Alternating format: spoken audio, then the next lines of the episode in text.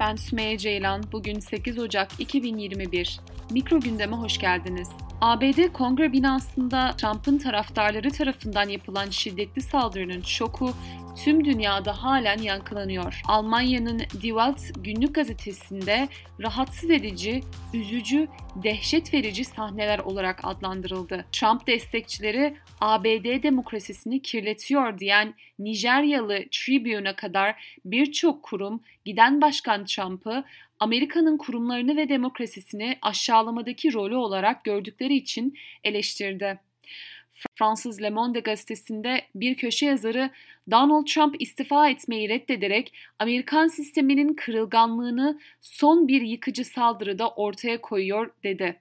Gazetede yer alan bir başka manşet ise ona ayaklanma başkanı diyor. Mısır'daki NBC Mısır TV'den bir uzman Trump'ın bu kargaşadan sonra yargılanmasını bekliyorum dedi ve ABD artık kelimenin tam anlamıyla bir süper güç değil dedi.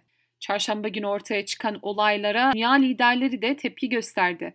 İngiltere Başbakanı Boris Johnson çıkan olayları rezil sahneler diyerek kınadı. Avustralya Başbakanı Scott Morrison, Washington DC'deki olayları korkunç derecede üzücü, çok endişe verici olarak nitelendirdi. Sonuç olarak seyahat tavsiyelerimizde bazı değişiklikler yapıyoruz diye de ekledi. Kanada Başbakanı Justin Trudeau bir röportajda Washington DC'de ortaya çıkan şiddetli ve kaotik sahneleri izlemekten endişe duyduğunu söyledi. ABD'deki Çin Büyükelçiliği Çin vatandaşlarına halka açık yerlere gitmeden önce dikkatli olmalarını tavsiye etti. İran Cumhurbaşkanı Hasan Ruhani, Perşembe günü televizyonda yaptığı bir konuşmada Trump'ı ülkesini utandıran hasta bir kişi olarak nitelendirdi. ABD'de olanlar Batı demokrasisinin ne kadar kırılgan olduğunu gösteriyor dedi.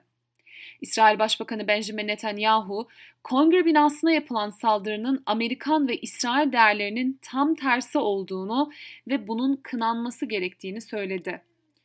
Cuma namazının ardından konuşan Cumhurbaşkanı Recep Tayyip Erdoğan ise ABD'deki sözde demokrasinin beşiği olarak tanımlanan bu süreç tüm insanlığı gerçekten şok etti dedi. Dışişleri Bakanlığı ise ABD'deki tüm tarafları itidal ve sağduyulu olmaya çağırıyoruz. ABD'nin bu iç siyasi krizi olgun bir şekilde aşacağına inanıyoruz dedi. Bakanlık ABD'deki Türk vatandaşlarına kalabalık alanlardan ve protestoların yapıldığı yerlerden uzak durmalarını tavsiye etti. Beni dinlediğiniz için teşekkür ederim. Bir sonraki mikro gündemde görüşmek üzere.